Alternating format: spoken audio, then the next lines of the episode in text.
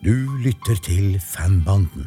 Og for ikke veldig veldig lenge siden så kom vi altså over et dokument fra Teamfilm der de kommer med en tiltenkt rolleliste for film nummer én. Og der er det ikke Karsten Byring som skal spille Egon.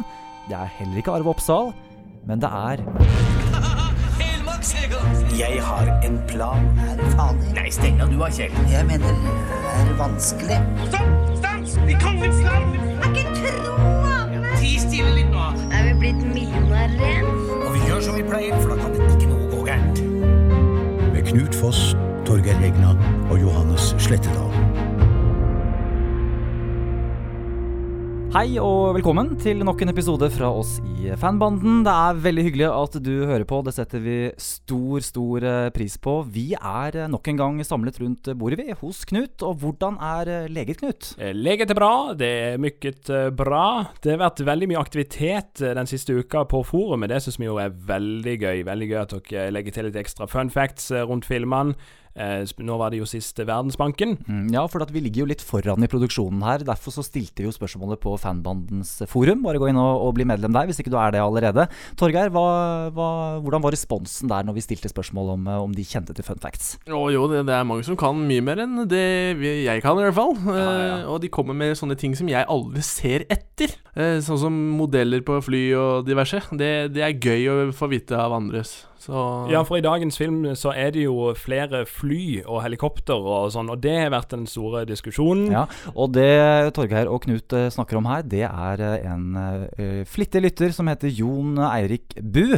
Tusen takk for alt du spiller inn av innspill til oss. Det setter vi veldig stor pris på. Du har jo Ja, hva er det du har kommet med? Du har både nevnt dette helikopteret som Harry bruker i filmen vi skal snakke om i dag, og han har også nevnt flyet som Den svarte baron og Ole Jørgen Nilsen ankommer i. Så, så dette her er jo ting som havner litt utenfor periferi, periferien når vi eh, snakker om Olsenbanen, i hvert fall. Ja, og vi kan jo komme tilbake òg ut til de flyene når det, vi kommer dit i filmen. For i dag så er det jo eh, den tiende Olsenbanen-filmen vi skal ta for oss. ti, Ja, altså. det er det, og, og det er jo egentlig ikke noe som er bedre enn å snakke om film nummer ti i år. For det er jo 40 år siden den filmen kom. Filmen har 40-årsjubileum.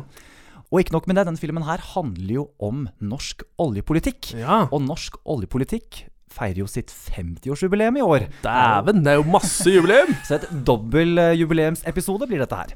Ikke verst. Hvor er flagga, gutter? Hvor er flagga? Denne filmen her er i hvert fall fra 1979, og det er den eh, første Olsenbande-filmen med et helnorsk manuskript. eh, Eller er det helnorsk, eh, Torgeir? Ja, det er jo ikke helt helnorsk. Altså, det er veldig mye som er hentet fra det danske manuskriptet til Erik Balling og Henning Bass, men det er mye norsk, eller bra norsk oversetting. Så, Og den jobben, den står jo Sverre Holm bak, blant annet, og Øyvind Thorsen, som var filmanmelder i Aftenposten var det. Aftenposten. I Aftenposten. Og det som var litt artig, var at da forrige film, 'Olsenbanden sprenger Verdensbanken', kom, så anmeldte han denne filmen og sa den var særs dårlig. Og da ble Øyvind Thorsen utfordra på å uh, skrive manus til den neste filmen. Jeg tror det ble spurt offentlig òg, på en måte sånn Ja, gjør det bedre sjæl. Og jammen meg så tok han den utfordringa. Så han og Sverre Holm skrev rett og slett den norske oversettelsen til denne filmen, som er norskere enn noen gang, vil jeg si. Ja, det er den. Absolutt. Og ble det vellykket eller ikke, det kan jo dere finne ut av når vi eh, kommer til enden i denne Ja, vi, vi, jeg tenkte vi ga jo ni til den eh, jævla dårlige filmen han mente var, så vi får se. hva Vi får se om det snur. Vi får se. Nå syns jeg at lytterne våre fortjener å høre hva denne filmen handler om. Knut, ordet er ditt. Satte på alarmen, jo. Og nå har vi burgerne før vi sagt kake. Pokker tar det også. Hva mener du? Ta Valborg. Etter et mislykka kupp i Holmenkollen, denne gang i regi av Banny, kommer Egon ut med en plan med et utbytte på 10 millioner tyske mark. Der kan du sjæl høre, Benny. Egon har en plan til mange millioner. Hva sier du til det? For min del så kan han godt stappe den oppi Ikke tull da, Benny. Pakka altfor svær til det. Banden skal nemlig få tak i planene for oljeutvinninga i Nordsjøen, med finanstoppen Broch Larsen som arbeidsgiver. Pokker altså, kyrne inne vet for meget. Det ordner jeg. Men banden blir lurt, og herfra skifter både oljeplanene og millionkofferten stadig eiere. Den sorte baron har filmen. En film? Filmen, ditt grautue. Nå har han Kjell fått gæren film igjen. Før Benny, Kjell og Dynamitt-Harry må redde Egon fra den visse død på toppen av SAS-hotellet. Du begynner å få bedre tak på det nå, Harry. Jeg håper det. For det er én ting jeg må tilstå. Det er første gang jeg er oppe i fly. Å, dæven. Jeg visste det! Jeg visste det! Jeg får aldri si av Valborg mer.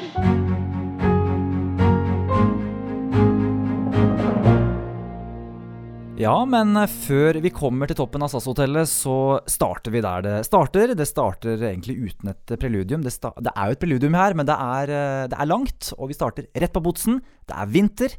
Og Egon han er ikke fornøyd med å komme ut. Han vil bli i fengselet litt lenger. Fortell litt mer om det. Ja, greia der er vel at eh, han egentlig skulle eh, holde seg innafor et par dager til for å få uh, landa en avtale om et større kupp. Ja, I overmorgen så skulle jeg treffe en advokat som sitter på Ullersmo, og som skulle overføres til Boss-fengselet. Svære greier! Mange millioner! Og så sprekker hele greia av jebbursdagen til hun derre Valle! Men det gikk ikke fordi han kom ut for tidlig, fordi eh, man har Hva kaller man det? Et, uh, Et amnesti. Et amnesti. Amne, hva for noe? Sti! Er det smittsomt? Fordi eh, det er Valles fødselsdag. En eh, kommentar som uh, jeg ikke er så mye greie på, men som vi snakker om i uh, episoden med Jon Selås. Da bare høre der. Men Ja.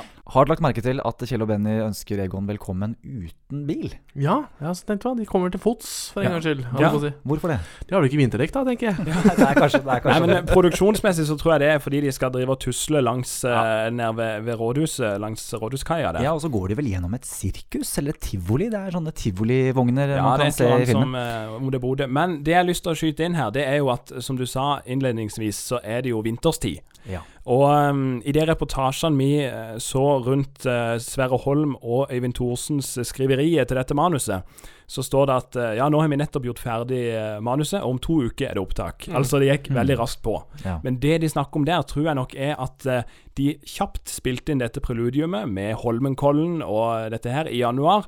Og så venta de noen måneder og spilte inn resten av filmen. Ja.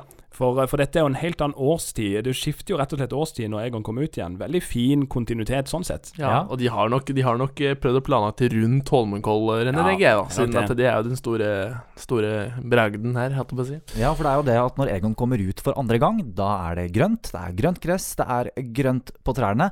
Og da blir vi jo introdusert for et eh, flunkende nytt eh, politihus på Grønland. Ja. Vi får sett det fra utsiden, men også skildres dette bygget veldig godt fra innsiden. Ja, det er jo rene reklamefilmen. Altså, når Holm og politisjefen går gjennom plottet for denne filmen, nærmest, så går de jo gjennom med veldig dårlig lyd eh, gjennom det nye politihuset med mye støy og sånn, men de er jo tydeligvis på sett, da. Ingen tvil om det. Flunkende nytt politihus. Ja.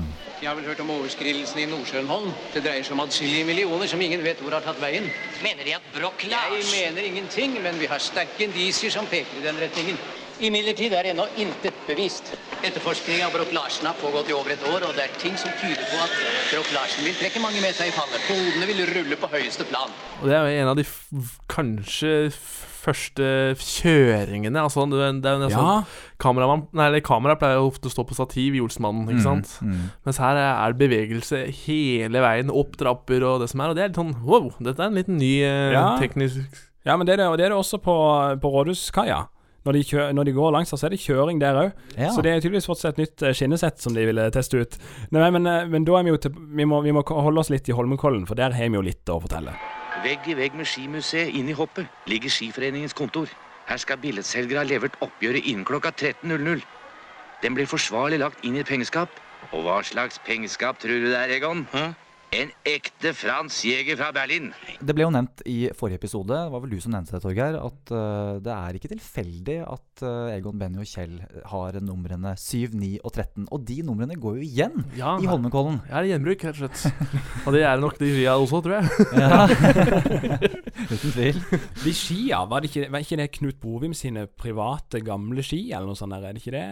Jeg føler jeg har lest det en plass. At de skiene de bærer på, de gamle treskiene som de bærer på opp Holmenkollen der for ikke å virke mistenksomme, Ja, det det tror jeg er noen gamle ski eh, som Knut Bovim fant i kjelleren. Jeg har nemlig hørt at man alle skal hoppe etter Bovim. Og da har vi fanfaren, nasjonalsangen og kongesangen å gjøre det på. Men det jeg har lurt på hvert fall hele tiden, det er om kongefamilien er klar over at de blir eh, portrettert i Olsenbanden nummer ti. Man kan jo se at kong Olav eh, responderer på noe som tydelig blir sagt over høyttaleranlegget. Er, er han klar over at han blir filmet? Det, det spørs. Jeg er, litt, jeg er litt usikker på det. Du har han med i to bilder. Du har et totalbilde der Olsenmannen passerer eh, passerer kongen når han kommer ut av bilen, og så stikker de opp eh, på, på, til Skimuseet der og inn på kontoret der. Mm. Der, Hvis du hører godt etter der, så er det òg noe Du hører veldig svakt i bakgrunnen. Ja, det er Olsenbanden. At det er noen i publikum som sier Å ja. Ja, det er Olsenbanden. Gjør man det? Ja. Hvilken, eh, hvilken scene, Wow. holdt jeg på å si? Har du sett, den- har du sett den i, på hjemmekino, eller? ja. det kan ikke jeg. Nei, men det er, det er når, når de I den totalen, når de går Mm. eh, Når de passerer kongen og går opp eh, trappa opp til eh, Opp til det kontoret. Mm. Men det er det første bildet Men det er det første bildet med kong Olav. Jeg tror nok ikke de visste det. Så har du et nærbilde òg at eh, kong Olav snur seg opp mot eh, og hører på callinganlegget når eh, Olsenbanden slår det på. Jeg tror, jeg tror ikke han visste det. Nei, det er nok et bilde av at han kanskje har sett Eller hørt at det er noe nummer som blir lest opp, eller noe sånt. Ja, eller så har de klippa inn Benny og Kjell Ja. isteden. Og så er det vel noe med det når du befinner deg på offentlig plass, så trenger man ikke godkjennelse eller tillatelse for å bruke deg i film. Når du befinner deg på, på gata. Ja, ja, ja, hvis du er i bakgrunnen. Men hvis du er i fokus sånn, så skal du jo egentlig helst ha tillatelse Ja, men det Han er jo selveste kongen. Ja, ja, ja, det er klart. Men, men det er jo litt annerledes åpning av dette her, med at det er Benny sin plan. Ja. Og Benny driver jo med gjenbruk av gamle triks. Mm. Ja, det er jo ditt gamle glansnummer, dette her, Egon. Men det blir jo ikke noe dårligere av den grunn, mener jeg. Og så var vår gode gamle venn Frans Jæger. til. Det, det trikset med barberskum eh, i, på alarmen, det har vi jo sett i Olsenmannen går amok. Ja, det viser, det viser jo at Benny han er tillært egenskapene. Han har liksom sett hvordan Egon gjør det. Og, så han er ikke noe, han, det er ikke noe originalitet hos Benny. Nei. Sånn som det er, Egon han gjør alle ting to ganger likt utenom å åpne et skap med talkum og hansker, da. Men, ikke. men Han er ingen utpreget bandeleder. Der, der, er Egon, der står han suveren. Men, men vet vi om dette her faktisk har vært et fungerende alarmsystem? Dette med at det har vært alarmer som har vært festet på pengeskapene? Vet dere noe om det? Helt ukjent for meg. Helt ukjent. Hvis det er noen av dere som hører på, så må dere gjerne skrive til oss Ja. på eh, forumet vårt, Fanbandens forum igjen.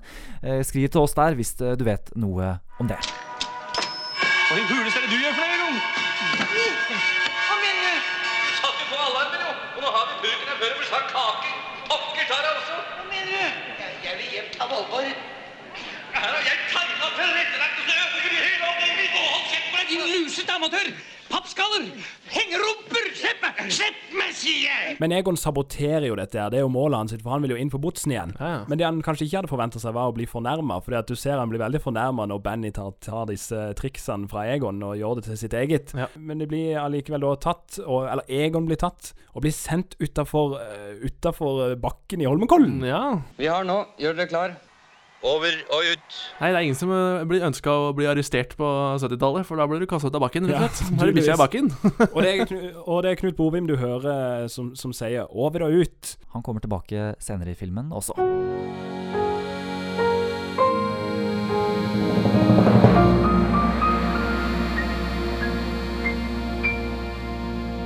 Når Egon i hvert fall kommer ut for andre gang, så er det som vi nevnte tidligere, det er grønt på trærne og det er grønt i eh, gresset. Men de kommer jo raskt hjem til Valborg, og Valborg hun er jo tydelig misfornøyd med sin ektemanns eh, figur. Hun vil at han skal gå på gulrotsaft, gulrotsaftkuren. Vi kan jo høre hva Valborg sier selv. Skjønner det, Egon, at den, at den Kjell er på slankekur?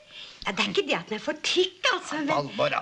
Jeg må si det som det er, altså. Men jeg har sett det bedre. Det er liksom noe som proporsjonene til en Kjell som ikke stemmer helt. Men la oss eh, snakke litt om eh, det store kuppet. Eh, Du nevnte det i resumeet, Knut. 100 millioner tyske mark, eller D-mark, det blir sagt Ja. litt forskjellig. Ja, det er jo det som er i potten, og Olsenbanden, eller Egon, tenker jo sjøl at han skal ha 10% av dette, altså 10 millioner. Så mange millioner at vi for vår andel, som er 10% kan leve lykkelig resten av livet.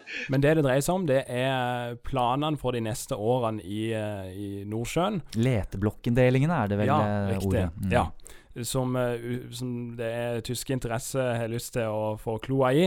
Og eh, Egon er blitt hyra av Broch Larsen, da, som spilles av Arne Aas. Eh, og da skal de ta seg inn i eh, Oljedirektoratet Mm. sitt arkiv. Ja. Vi husker vi snakket om det på bakrommet før vi gikk i opptak til nummer ni, at denne inngangen til arkivet, som er rett under den gamle sjømannsskolen Ja. på Nordstrand, i hvert fall i nærheten av Nordstrand, Er det en fysisk inngang? Dette er jo rett i nærheten av der du bor, Torgeir. Kan ikke du fortelle litt mer om inngangen? Jeg har aldri vært her, men eh, Nei, men er det, er det ikke bare et høl? Det er bare et høl, vet du. Ja, nettopp. Ja, jeg tror det. Altså, det er hvis, hvis Altså et bygget, et bygget uh, Ja. hull. Ja. Mm. Men det, jeg syns var litt eh, Det er jo litt uh, kult kupp, da. At de Litt sånn finurlig. At de liksom skal ha en A-tone og Og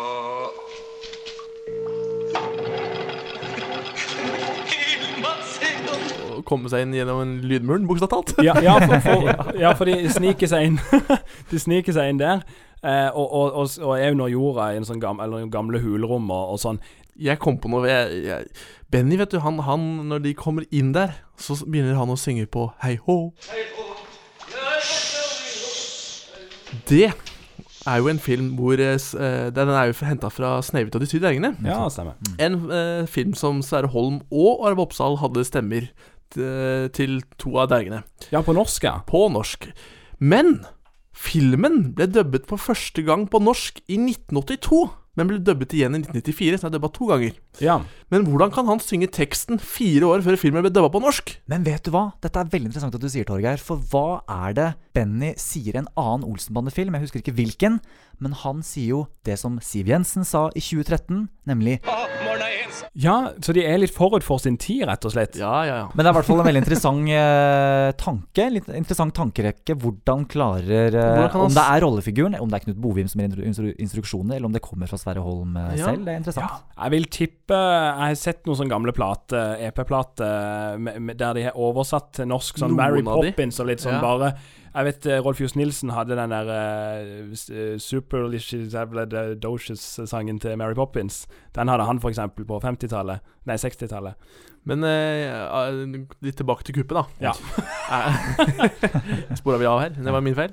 Eh, så er det kanskje ikke helt tilfeldig at de bruker tipperekka i Aftenposten heller, da, til å komme inn i arkivet, siden Øyvind Dorsen jobba i Aftenposten. Ja, ikke Ja, sant? det er interessant. Det er en del av kuppet. Nå fikk vi i hvert fall tolv rette for en gangs skyld. Den kisen jeg avviste, men dere er flink til å tippe. Jeg skjønner ingenting, jeg. Tenk om han bare hadde fått åtte rett. Saken er nemlig den at den forandrer koden fra uke til uke. Og den bruker utgangsrekka i Aftenpostens tippeservice hver mandag som kode. Ja, og Vi må jo bare igjen eh, trekke linjer tilbake til det vi snakket om i starten eh, av denne podkastepisoden, nemlig Jon Eirik Bu, som har trukket fram en fun fact eh, til, eller fun fact nummer to til film nummer ti, som han beskriver det som. Og han skriver Legg kodelåsen og tipperekka i Olsenbanden og Dynamitt-Harry mot nye høyder på sinne til dere kommer så langt som til Men Olsenbanden var ikke død. For hva får en ikke se som midtkonsoll inne hos Knut Lystad? Jo, det er jo det samme kodelåspanelet. Ja, Ja, ikke så? Det er jo gjenbruk eh. Men- som i 2019, så det liker vi. Ja, ja, ja. Men, men eh, når vi er inne på dette kuppet Altså, jeg har sett den danske versjonen, og her er alle elementene norske. Altså alle Altså dette med, dette med dette panelet og Aftenposten Det med og, og, Altså det, det, det med den toalettscenen som er veldig fornøyelig, der, eh, der du får fram eh, litt sånn norsk kultur, eh, norsk snakkekultur. Ja, veldig. Norsk smalltalk på sitt beste eller verste, hvem vet. Nydelig vær i dag. Nei. Nei vel. Nei, nei. Det eneste elementet jeg eh, kommer på, det er det at eh, den kan sprenge den, eh, den boksen hvis du åpner den med dirk. Og hva tror du kommer til å skje når du åpner det skapet med det idiotiske brekkjernet? Da henter vi ut filmen, eller? Nei da. Da antennes en magnesiumsladning inne i skapet, og filmen brenner opp. Og vet du hvorfor? Nei. Fordi sånne vandaler som de ikke skal få tak i filmen. Der må de ha tak i en nøkkel. Og måten de får tak i nøkkelen er en norsk eh, variant. Noe annet jeg syns er veldig bra som gjør denne filmen, i denne sekvensen, det er jo når de skal gjemme seg i disse skapene mens Gisle Straume skal passere. Ja. Eh, men så skal plutselig Gisle Straume åpne et skap, og han åpner ikke det som Olsenmannen er i. Jeg syns det er litt sånn finurlig. Og med den spenningsmusikken i bånn Jeg vet ikke, du er ikke så glad i den spenningsmusikken? eh. Jeg syns den er trist og tung, altså. Men allikevel, jeg syns det er en litt sånn spennende uh, sekvens. Jeg, synes, jeg liker dette kuppet, altså det åpningskuppet her. Når du, vi var inne, inne på Gisle Straume, hvor er han kjent fra ellers, Torgeir? Ja, han er jo, var jo en veldig kjent uh, skuespiller han er fra den tiden, men uh, han er jo kanskje aller mest kjent i populærkulturen. som eh, lektor Tørdal i Stumpa-hørespillene og filmene. Ko-ko, alle sammen. Så var det dagens trim da, dere, hva? Av med jakkene. Av med jakkene. Så, tar vi først litt oppvarming, da. Vi jogger litt, jogger litt rundt omkring. Men på vei ut fra Oljedirektoratets arkiv så skjer det jo noe veldig spesielt. For da får vi jo se hvordan banden kunne blitt seende ut hvis rollefordelingen ble som den ble. Ja, for det er jo noe vi ikke snakka om, eh, men det at det var snakk om at kanskje Karsten Byring skulle spilt Egon, det er jo en historie som kanskje er kjent for flere, men, at Arve sa at den rollen vil jeg ha, og så Ja. fikk Arve den rollen. Men eh, vi har jo kommet over et eh, dokument, vi. Som tilhørte Tifilm. Det er veldig spennende, for vi eh, drev jo kraftig research hos Nasjonalbiblioteket før boken kom ut. Vi har jo vært der eh, veldig veldig mange ganger i flere år. Og for ikke veldig veldig lenge siden så kom vi altså over et dokument fra Teamfilm der de kommer med en tiltenkt rolleliste for film nummer én. Og der er det ikke Karsten Byring som skal spille Egon. Det er heller ikke Arve Oppsal, men det er kongen. Det er Henki Kolstad. Det syns jeg er veldig artig, altså. Det er kult. Hvordan hadde Olsenmannen blitt da, med Henki Kolstad som Egon? Jeg har en plan. Neimen, er du her i dag også, da? Så koselig, da. Og så er det jo nevnt at uh, Jeg har en plan, jeg skjønner du. ja. Arve var tenkt som Benny. Og så er Karsten Han er tenkt som Kjell, faktisk. Oh, ja. Allerede så tidlig. Men så er det en annen skuespiller som er tenkt som Hermansen. Og hvem er det? Det var Rolf Wesenlund. Oi, oi, oi, for et skuespillergalleri dette her er! Ja, Ja. for, for, for det var jo den første Det første som ble skrevet om Olsenbanden, den første artikkelen vi finner, det er at nå skal Teamfilm i gang med en ny krimfase. Og da står det òg at Arve Oppsal er tiltenkt en stor rolle, og vi håper på å få med Rolf Wesenlund. Ja. Så det var i omløp, og vi vet jo ikke hvor tidlig dette var i prosessen. Nei, nei. Uh, så det kan godt være de gikk innom det at Karsten Au, De gikk nok innom det at Karsten Au skulle spille Egon, og at det var flere Ja, ja, ja. runder. Og dette her er jo en eneste stor sirkeltankegang, fordi at Rolf Wesenlund var jo også tiltenkt en rolle i siste film. Olsenbandens siste Ja. stikk. Han skulle jo egentlig inn der. Men det må vi nesten spare til siste film, må vi ikke det? Ja, det var mer. Ja, mer om det.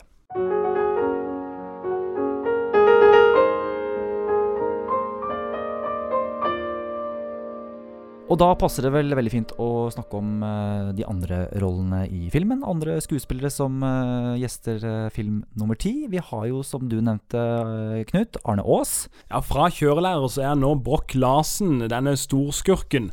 Det er jo det som er litt gøy med Olsenbanden i de norske, med at de bytter jo stadig skuespillere her. Eh, I de danske så er det én skuespiller som spilte storskurken i forrige film. eh, eh, Bjørn Watt Bolsen, som spiller Hallandsen og, og Broch Larsen og de forskjellige skurkene gjennom alle filmene. Men her så er det jo litt utskiftning, og her er det Arne Aas. Det kan bare være Egon Olsen. Og ham har jo de for lengst tatt dem av, ikke sant? Ja, og så har vi kompanjongen til Arne Aas. Kompanjongen til Bråk Larsen. Og Ja. Da tenker jeg ikke på Roy Narvestad, men tenker på han som ifølge rollelisten heter Roy. Spilt av hvem da, Torgeir? Ja, bror til mester Hansen. Hatt om å si. Det er broren til Henke Kolstad, som heter Lasse Kolstad. Om jeg var en rik mann ja. man på taket? Det er kanskje hans første Olsenmann-film, men det er ikke hans siste. Han dukker nemlig opp i Olsenmann junior også. Ja! Stemmer i Olsemann går under vann. Går under vann, ja. Ja, Det har jeg helt sant. glemt. Det er en skummel. Med Ja, eggekrem i er øra. Han har jo verdens kuleste stemme, og han Ja, er jo ja. også mannen som har fortellerstemmen i The Julekalender. Ja, nå sender vi deg en liten rundtur. Og når du kommer ned i hjørnet her, så kutter du tennsatsen på min lille vel anbrakte bombe.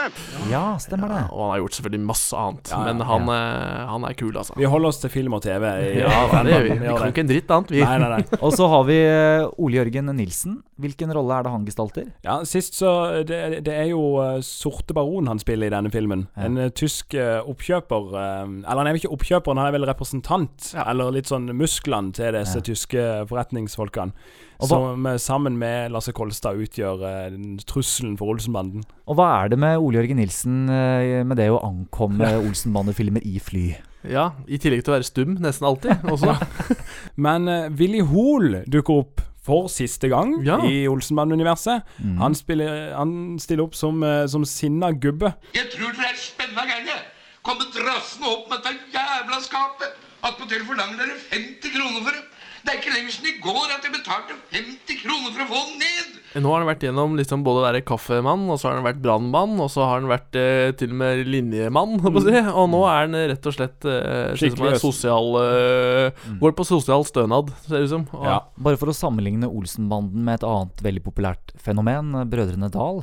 Mm. Ja. De er litt like hva gjelder det å, å bruke den samme skuespilleren igjen i mange ulike roller. I hvert fall den siste Brødrene Dal og Kalentonske marsjer. Ja, det var jo det vel en del av gimmicken, det. At, eh, Ja. at um, Åsleik Engemark og uh, hvem andre Hun um, Ja, Joner, blant annet. Ja. Johannes Joner Ja. og eh, Linn Skåber. Linn Skåber var med òg. Hva, hva har det å si, bare uten å begynne å analysere altfor kraftig her, men har det noe å si for humoren? Ja, jeg tror det er litt sånn tegneserieverden. Ikke sant? Ulf Wengård også dukker opp i nesten hver film. Ja, og så kjører man jo safe med, den, eh, med det at eh, du vet Altså, jeg tenker klientellet bak kamera òg vet at de leverer varene. Ja. Vet de kan gjøre en fornøyelig rolle i komediefaget, som jo er vanskelig. Ja. Så eh, de plukka jo fra øverste rekke, på en måte, og så brukte de om og om igjen. Og det med det med Brødrene Dal var jo Der spilte jo til og med brødrene selv, holdt jeg på å si, eh, også andre roller, da. Så Ja. det er jo litt av ulikt, da. Men eh, det kunne jo nesten skjedd i Olsenmannen. Altså, vi har jo Harry. Vi har jo Harald Edsten jr. Han spiller jo andre roller. Ja, for der er du inne på en annen karakter som vi må nevne. De velger jo fortsatt å plukke fra øverste hylle. Harald Hedesen jr. er med oss også i denne filmen, Ja. men da ikke som Data-Harry, for han skulle reise tilbake til Statene, han i Ja. nummer ni. Ja. Han har endt opp på Fornebu som Dynamitt-Harry. Passe Passe fordrukken som i de andre filmene. Ja, min, min eh, backstory der tenker jeg er at han, han ble f- litt forbanna i forrige film, og Jeg reiser min vei. Jeg vil ikke ha noe mer med dere å gjøre. Jeg reiser tilbake til Amerikas forente stater. Der er det iallfall litt lov og orden. Good night! Og så går han til eh, Fornebu. Og så fikk han ikke flybilletter, for han har jo ikke penger. Han går ifra fra alle penga. Men Harry, penga dine! Skal du ikke ha penga dine? Så han endte opp på Fornebu. Han har begynt å jobbe der. Du, det er en artig Ja, fordi nå har vi jo fulgt Dynamitt her ifra uh, dørkdrukken eh, type til på sporet når han skjerper seg, og så blir han eh, velstelt og dataharry, og så er det tilbake eh, Det er, jeg synes det, det, det, er jo litt søkt. Det er jo det. Men uh, dette er jo den siste filmen som har Dynamitt-Harry i tittel, Mm. vil jeg merke. Mm. Uh, Ja, karakteren dukker ikke opp før i den aller siste nå. Nei, nå, uh, det er sant. Eh, han har jo skjerpa seg. Han har jo ifra å være en eh, dritings mann som bor i et skur eh, Nå Han bor fortsatt i et skur, da, men nå er han iallfall ikke dritings, så har han en jobb. Ja, ikke Så det har skjedd ting med Harry også. Og jeg Nei, tenkte, jeg syns det var mye gøy som sto Når jeg så filmen igjen nå, så så jeg veggen der han sitter. Eh, Inni brakka si. I brakka si. Der står det masse rart. Blant annet at Finn med sånt hjerte rundt. Så jeg tenkte dæven, er Harry spilleren på andre laget? Oi, oi, oi, han skifta Olsenmannen er jo virkelig i, i, i, i tiden her. Ja. Ja, ja, ja. Nei, nei, nei, nei, nei, nei, ikke tale om! Jeg vil ikke, jeg vil ikke, jeg vil ikke! Jeg er lovlig i Norge, og jeg arbeider! Jeg betaler min skatt med løftetone! Jeg Folketrygd, alt sammen! Ja, jeg vet nå litt, da, broder. Du har ikke engang hørt hva det dreier seg om, jo. Det er ikke nødvendig det når det gjelder dere! Bare man viser seg sammen med en av dere ute, så kommer man i arresten! Ja, ja, ja, men det dreier seg om Egon. Ja, det er enda verre! Siste rolle ut som vi må nevne, det er jo en birolle, en cameo. Det er en flykaptein. Og hvem spiller flykapteinen? Det er ingen andre enn Knut Bovim, igjen i uniform. Åssen er det de kjører, mann? Se å få vekk den skramlekassa. Og han er flykaptein ikke for SAS-Bråtens, men for Bråten Safe. Og med Ja. det så passer vel eh, fint å avslutte denne posten med å lukke lokk på eh, birollelisten. Og så kan vi begynne å snakke om der banden flytter seg videre, og det er til SAS-hotellet.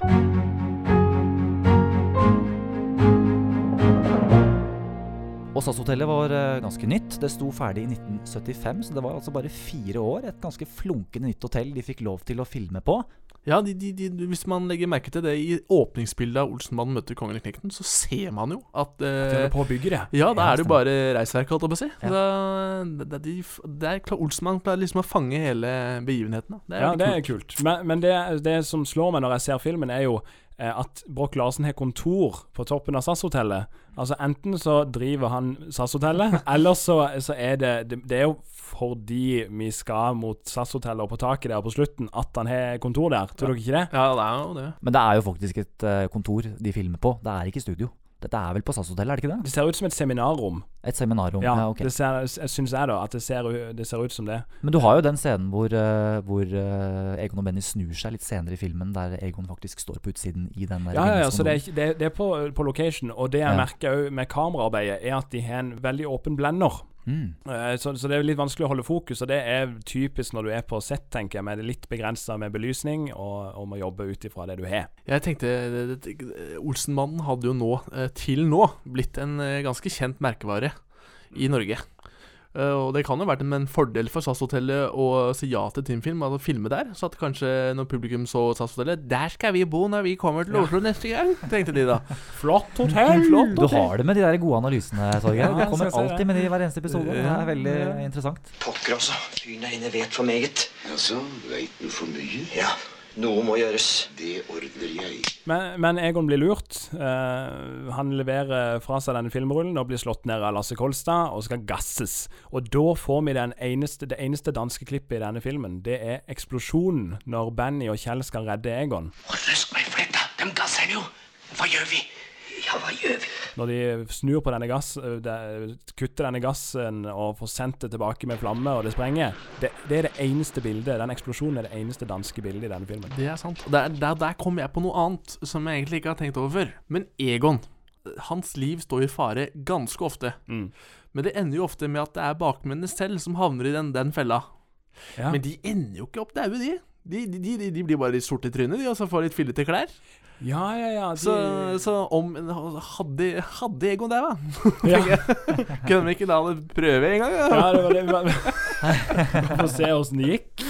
Nei, men Det er det som er litt sånn uh, morsomt på Olsenmannens uh, universet. Det er jo Det er i hvert fall tegnefilm. Ja, ja, Det er jo ja, som han. Per Ulv Ja. i Looney Tunes som prøver å ta den der mip, mip, hele tida, og han havner alltid i samme fellene. Og overlever jo hver gang. Så Ja, det er jo ja. akkurat sånn det funker i Olsmannen også. Er dette en tid å komme hjem på? Vi måtte hente Egon, jo. Det sa du lille pip, pip i mitt vindu. Han er jo full. Nei, langt ifra. Nei. Og penger, da? Hvor er penga, mi, tør spørre? De gassa han. De har jo vel drikket opp? Han har meg ikke til å le han Halvor. Drikker opp ti millioner. Egon han døde i hvert fall ikke, men han ble jo tydelig påvirket av det som skjedde inne på dette, på dette lageret her. For han kommer jo hjem til eh, familien Jensen, og der skal han voldta Schønemann. I hvert fall ifølge VG. Ja, for, det, det, ja, for vi har sett en overskrift som er drøy, altså. For det er altså Her er det, for de som har sett filmen, da, så er det jo en scene der at han kommer hjem og, og er veldig berusa av denne gassen. Og så, og så blir han veldig betatt av Valborg og løper etter Valborg. Valborg, min deilige sommerfugl, deg vil jeg levende fange. Du er så fristende så jeg kunne spise deg med teskje. Mm. Egon, er det du tenker på? Der var VG på settet og tok noen bilder. Og det som ble overskriften der, var da Oppsal voldtok Schønemann. Ja, det hørtes ikke, hørtes ikke bra ut. Nei, nei, nei. nei, nei. Og uten tvil eh, ingen godkjent eh, overskrift i dag. Nei, på ingen måte. Og jeg lurer faktisk på Jeg klarte ikke å finne det igjen, men jeg mener på jeg har sett noen dokumenter fra Teamfilm at de eh, tok opp dette her med eh, VG. Jeg vet ikke om det ble en rettssak, men at de i hvert fall fikk sagt tydelig ifra at dette var ikke greit. Du kan tenke på dagens eh, trolling, så er det jo veldig vanlig at folk bare leser overskriften. Og hvis det, de kun hadde lest den overskriften, Ja. så kunne det blitt veldig feil. Ja. For Hvis han leser artikkelen, så er det jo ment humoristisk, men Ja. Eh, ja. Men hele premisset for at eh, Roy og Broch Larsen, eller Ole Jørgen Nilsen, Den sorte baron, vil ha tak i Egon, er jo fordi at han har en filmrull de vil ha tak i. Det er bare det at Egon, han Uten at han er skyld i det selv, så klarer han å forveksle denne filmrullen med en privat filmrull fra familien Jensen, og den inneholder eh, badebilder fra en badeferie til Valborg og Kjell. Kjell, ta med denne filmen, for eh, du skjønner at søstera mi vil gjerne ha en kopi, hun også. Ja, ja. Ja, nei, det, det, det, de, de er tydeligvis vært hos søstera til Valborg, som bor på Flaskebekk. Det er jo faktisk på Nesodden. Okay. og i film nummer fem så bodde hun i Drammen, så var tydeligvis flytta litt Ja. nærmere sentrum. Hva gjør det at det er to filmer i omløp, eh, Knut? Nei, det gjør jo det. altså For det første, jeg syns det plasseres riktig i filmen med at det er helt tidlig som en bisetning med at Ja, forresten, Kjell, husk å fremkalle disse bildene hos fotografen. Eh, men eh, dette får jo en payoff når, eh, når Egon da skal presentere disse bildene på SAS-hotellet. Og det kommer opp bilder fra ferien til Valborg og Kjell. Og når man ser de bildene, så skjønner man jo at Valborg setter Kjell på en gulrotkur. Ja. Ja, for det er jo hos sitt oppdrag. Og hvis vi kan gå inn på det altså Jeg syns jo at Valborg har altfor lite å gjøre i denne filmen. Altså Vi kan jo komme med analysen på slutten, men altså Valborg har jo ingenting å gjøre i denne filmen. Nei, og det er, det er der nordmennene ofte tok feil da i forhold til hva Henning Bass og Erik Balling gjorde. Fordi de, de begynte jo alltid med hva er det som er viktig for Valborg i denne filmen. Og øh, i, i norsk sammenheng så glemte de kanskje Valborg litt mer og snakka, eller brukte mer Olsenmannen, da. Ja, Eh, og og ut ifra det originale manus så er det jo eh, det, dette plottet med at Kjell skal på slankekur, det er de danske òg, men det får oppfølging gjennom Ja, filmen. absolutt. Når de er på flyplassen, så prøver Kjell å få tak i noe flymat. Når de, når de, er, når de er på det SAS-hotellet i Danmark, da, på å si sånn, så er det noen pannekaker han har lyst på, for han er så sulten, og det er noe som er gjennom hele. Men her så mister vi det. Det er bare noe helt i starten i den norske. Her har jeg noe helt spesielt til deg. Hva er det der? Det er brokkoli. Det er kokt brokkoli. Det er helt uten kalorier og kulhydrater. Du aner ikke hvor godt det er. Jeg kan nesten ikke dy meg. Ja, også den, eh, det, dette med at han vil ha, er på flyplassen og vil ha mat, det er, ble jo tydeligvis filma i Norge. Men, eh, for vi har funnet lobbybilder på det. Men Ja. eh, det er bytta ut med ølflaske, vel å merke. For Ja. får jo ikke lov å drikke øl heller. Hva var det? Jeg kan ikke noe for det. Det er all denne gulrotsafta. Kan vi nå hoppe til at vi er på toppen av SAS-hotellet? Ja. ja. Da gjør vi det.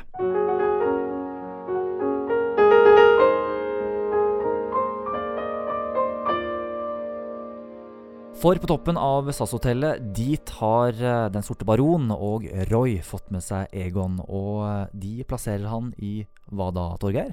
En vindusgondol. Hva gjør man der? Ja, det er, vel, det er jo egentlig for å vaske, vaske nedover langs eh, de, de store vinduene på det nye, flotte SAS-hotellet. Men Egon skal ikke vaske, skal han det?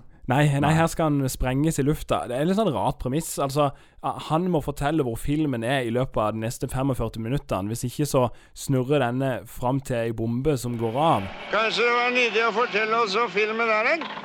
Du får ikke noe bruk for den, du. Det er du, kommer. Men hvordan kan han si hvor filmen er når han har bind for munnen? Ja, ja det. er sånn der. Nei, nei, det er, De har jo tatt en litt annen vending enn danskene også. Fordi i den danske versjonen så festes, festes jo Egon i eh, klokka på rådhuset. Noe som kunne latt seg adoptere i, i norsk sammenheng, men kanskje ikke du, funka. ja, for da måtte du bygd rådhusklokka. Ja. Eh, og Ja, den det- er svær. Ja, den er svær og kostbar. Og Ja. så er jeg ikke sikker at den scenen Den norske Olsenmannen ble jo mer og mer liksom eh, jordnær enn hva Ja, den danske ble. Det er klart. det er det Og det er sånn sett, selv om dette er litt farfetched, så er det litt mer jordnært enn det som eh, Ja, ja. utspiller seg i den danske. Dessuten så hadde jo danskene mye bedre plass. De hadde jo store utearealer til å bygge opp denne scenen i Valby. Ja, ja, ja. Eh, Teamfilm hadde jo bare et innendørslokale i Keisers gate. Det er klart det. Men uh, når vi er inne på den, denne seansen der Egon etter hvert må reddes, og det er helikopter uh, Harry blir satt i oppdrag til det, og redde, redde eh, Egon fra den, den visse død. Ja, for hva er, det, hva er det Harry sier når han eh, er i helikopteret? Bare, bare oss høre på det. Du, vi er nødt til å ha tak i et helikopter, og du er den eneste jeg vet om som kan fly et helikopter. Jeg? Ja, ja, ja det har du i hvert fall sagt sjæl. Ja, det, ja vel, ja. ja men jeg, ja, altså, jeg mente det, Jeg kan vel det, bare til husbruk. Ja, ja, det greier ikke lenge. det. Det er bare snakk om en liten svipptur, dette her, skjønner du. Ja, men nå er det det at jeg har solgt mitt helikopter, altså. Og så er det en annen ting, at jeg har jo spisepause nå, så jeg spiser. Og jeg har ett prinsipp. Jeg flyr aldri med mat i munnen. Ja, ja, men det Sug ut nå, da, så tar vi en av de som står borte på plassen her.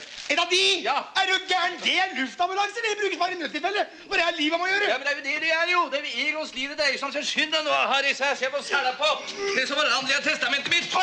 Ja, Han er jo ikke noe kjent med helikopteret, men, men eh, det ser ut til at han flyr fint. Men det bråker vel litt, eh, fordi vi har jo kommet over noen, eh, noen avisreportasjer rundt innspillinga her.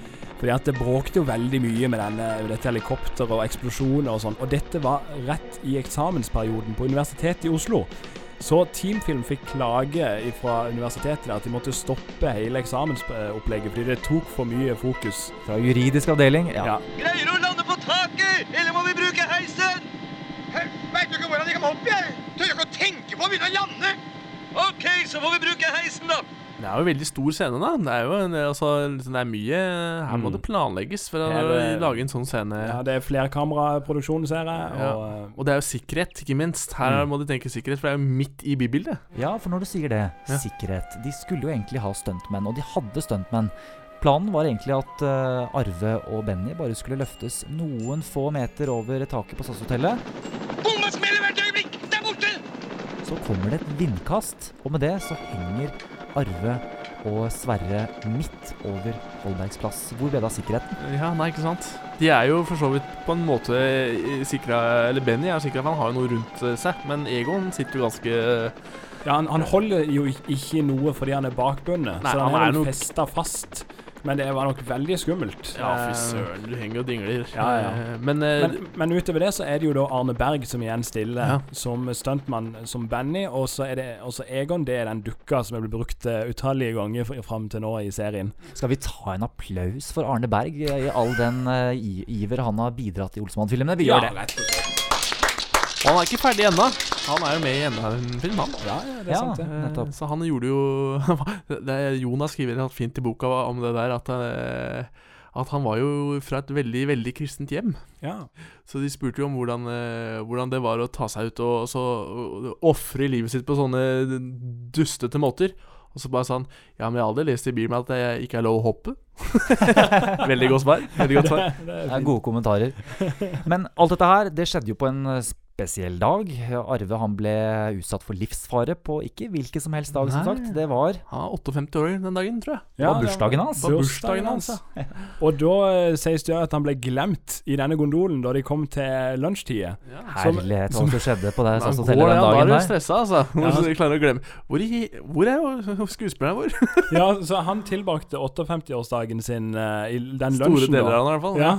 I den gondolen alene mens de andre spiste lunsj. Da var han ikke mye happy, altså. Pappskaller! Hengerumper! Men jeg syns det er veldig interessant når man hører de bakomhistoriene som Arve Oppsal selv har fortalt.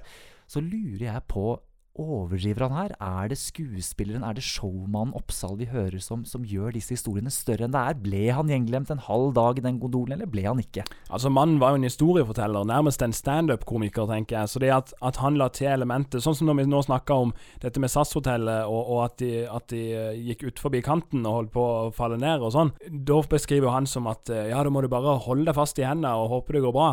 Men han var jo bakbundet i den scenen, så det er jo noen friheter han tar seg her. og det er jo, Så alt kan ikke tas for god fisk, men det er noen veldig gode historier. Ja, og så Man må jo ljuge litt for å få en god historie. Ja, ja, det? Absolutt. Så, men han jugde jo ikke heller, da. Altså, han har jo vært der og gjort det. det er, han, han skrur litt på sannheten noen ganger, Ja. men eh, det gjør enhver historieforteller. Ja, for det er noen gode detaljer han liksom skyter inn for at det skal, skal bli en bedre historie, da. Hallo! Det er som at en bomvalgbesetning skal være på møte på landsmøtet til Arbeiderpartiet. Opp alle jordens bunne. Hei, hå! Kom igjen, gutter! Kom igjen! I år! Det er jo ofte sånn i noen av scenene i Olsenbanden, særlig også i biljaktene, så ser de at de faktisk må holde igjen et publikum der for å liksom få plassen der, og det, det Ja. gjør jo på slutt man litt sånn OK, nå er det filminnspilling på gang her. Ja, og det, det ser du veldig i denne scenen. Ja, absolutt. Jo tjåka fullt med folk. Ja, jeg vet ikke om det var det lureste stedet å parkere i på Youngstorget, men men en gøy, gag, da. Men, men selv om eh, Harry prøver å avlede politiet litt der, så blir jo Egon arrestert med kofferten. Og da Vi har jo ikke snakka om Hermansen i denne filmen, eh, men hans sitt prosjekt eh, For han er prosjekt, Valborg er ikke, pro- ikke prosjekt, men eh, han har et prosjekt, og det er at han skal reise til Canada. Canada. Ja, når jeg er ferdig med denne saken, har jeg lovet ett års permisjon med full lønn som takk for innsatsen. Ja, fordi Hermansen fra forrige film var jo eh, satt ned til eh, det ridende politi. Der ser vi han også i denne filmen her som eh, ridende patruljerende konstabel. Ja, fin kontinu kontinuitet. Endelig, Ja, for, ja, nær sagt. ja, for det var det jeg trodde var hans prosjekt. Det var hun der dama i stallen. Ja. Ja. ja, for det er jo litt sånn metoo-tendens i den stallen der. Et lite smekk der på rumpa, rett og slett. Hermansen, da? Kriminalbetjent Hermansen med mobil. Men eh, det, det kommer også fram i den scenen med, med, med Holm og politisjefen, som for øvrig er en ny skuespiller. En uh, Jørn Ordning, tror jeg han Ja, heter. Jør, Jørn Ording. Og det jeg tenkte på, bare for å skyte inn det veldig sånn kort og greit, er at både George Ritcher og uh, Wilfred Breistrand. Og han de er ganske like. De kunne vært brødre, faktisk. Ja. Eh, De har sånn samme uh, artikuli... Hva sier man? Art Artikula artikulasjon. Artikulasjon. ja. Hermansen. Hermansen! Hermansen. Men, men, men mitt første møte med han eh, skuespilleren, det er jo i stallen med Hermansen, og da tenkte jeg wow, for Altså, han, han er jo så stiv. Du kan jo høre her. Vi trenger dem på avdelingen igjen, Hermansen. En stor sak er på gang. Den største vi har hatt siden Ålesund brant. Så tenker jeg, hva slags, hva slags type er dette her? Men han roer seg jo veldig når han prater med Holm, da. Da er det litt Ja. mer sjala- nonchalant. Ja. det Og der kommer det fram at de bruker jo Hermansen rett og slett for å Mener De dermed å si at etterforskningen skal innstilles? Nei, en slik ordre kan jeg ikke gi. Men derimot kan jeg sette Hermansen på saken. Og det går ut på ett. Nei, så Hermansen tror jo han er inne fordi han er ekspert. Han, han kommer jo med sånne fraser som Det var vel kanskje litt det vanskeligste laget for dere. men, men ja, som du sier, Torgeir, så er det jo, så er det jo ikke det som er eh, tanken til politisjefen. Det er jo skummelt å blande eh, politikk og politi, Ja. rett og slett. Og, Ja, og det er jo det- det Hermansen gjør. Han gjør jo det som egentlig er riktig. Ja.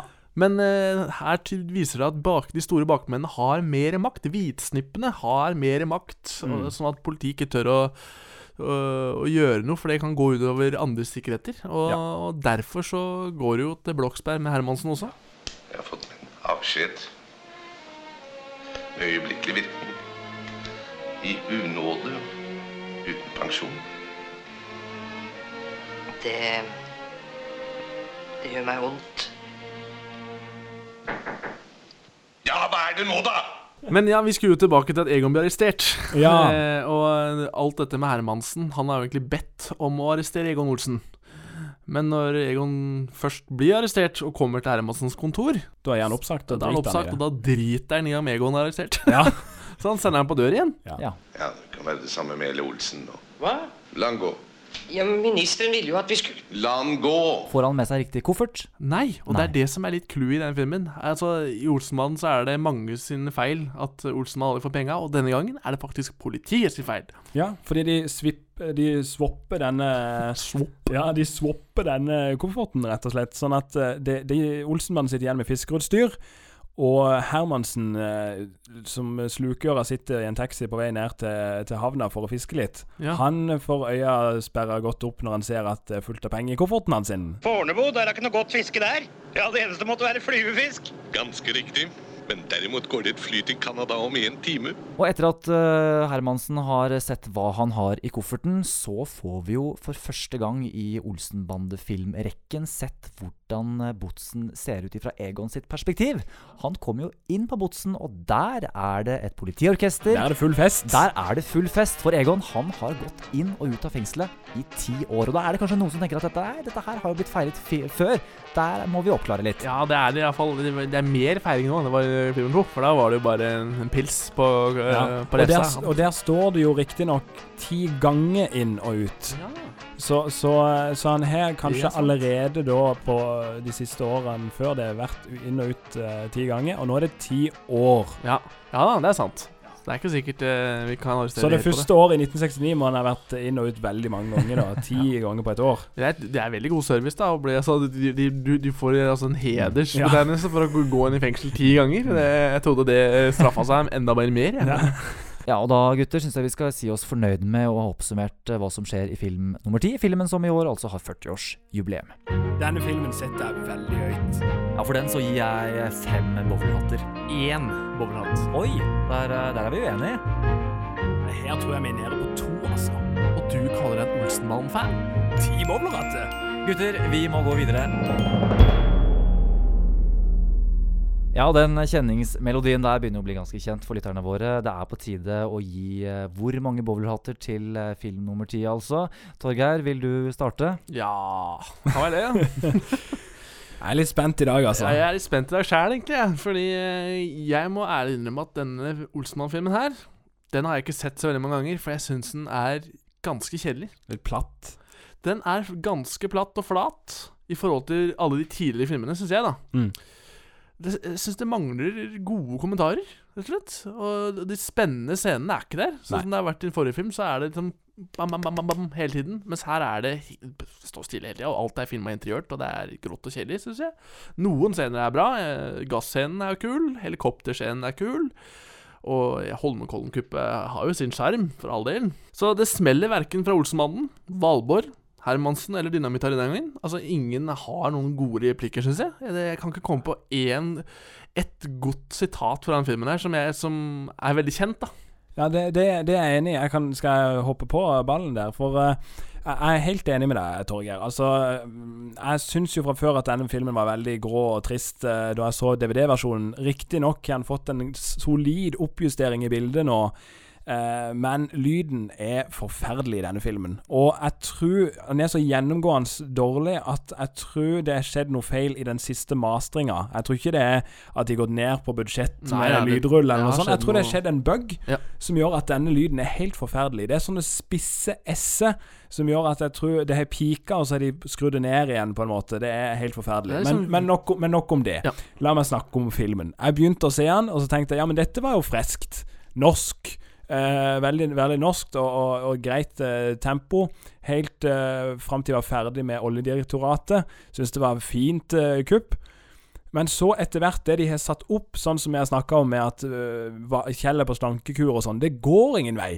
Nei. Det er liksom bare sånne små. Det er veldig lite tråd i denne filmen. Olsenmannen er veldig gode på å ha røde tråder som både møtes uh, på tvers av karakterene uh, og, og, og skurk og politi og sånn.